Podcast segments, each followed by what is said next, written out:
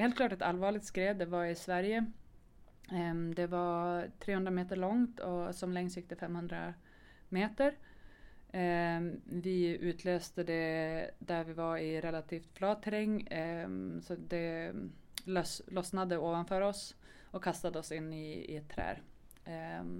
vi överlevde alla som, vi var heldiga nog till att överleva men jag knäckte båda läggen och bästa väninnan mi knäckte lårbenet. Eh, och vi var fast på fjället i fem timmar före vi kunde ta oss till eh, sjukhus.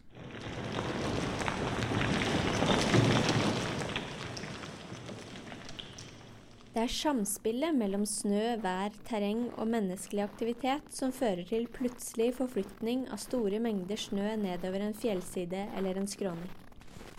Forskere ved Handelshøyskolen Center for Avalanche Research and Education og Institutt for sosialpsykologi samarbeider med forskere i USA og Sverige.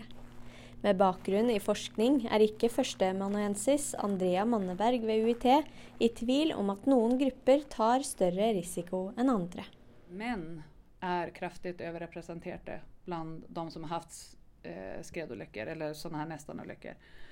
Eh, och, och män är överrepresenterade trots att vi, till trots för att vi ehm, kontrollerar för antal dagar i genomsnitt eh, per år och antal år i, ehm, på ski i eh, skredterräng.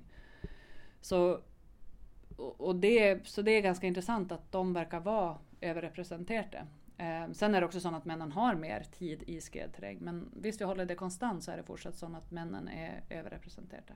Det här gäller då hela Norge som vi har studerat. Det är skikörare som eh, står på ski eh, i bratt terräng utanför eh, anläggningsområden. Ehm, så det är hela Norge. Ehm, det, det vi kan se från det vi har fått in är att det är svärt många som har nästanolyckor, som har haft en nästanolycka de senaste eh, fem åren. Um, omtrent 40 procent av de som har deltagit i vår studie har haft en nästanolycka och 8 procent har haft en skredolycka.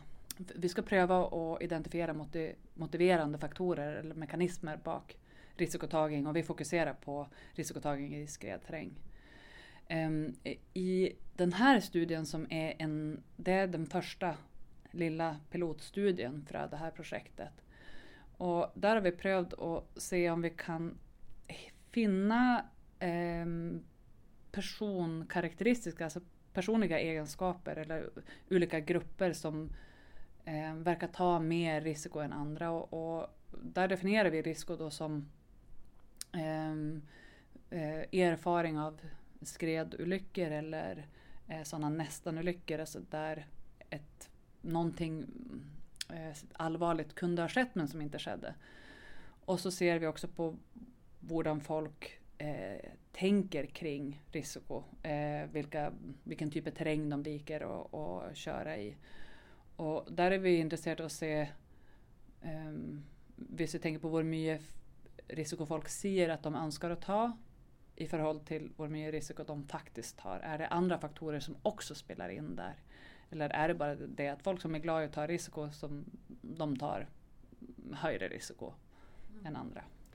Vad är det folk kan förvänta på föredraget på lördag?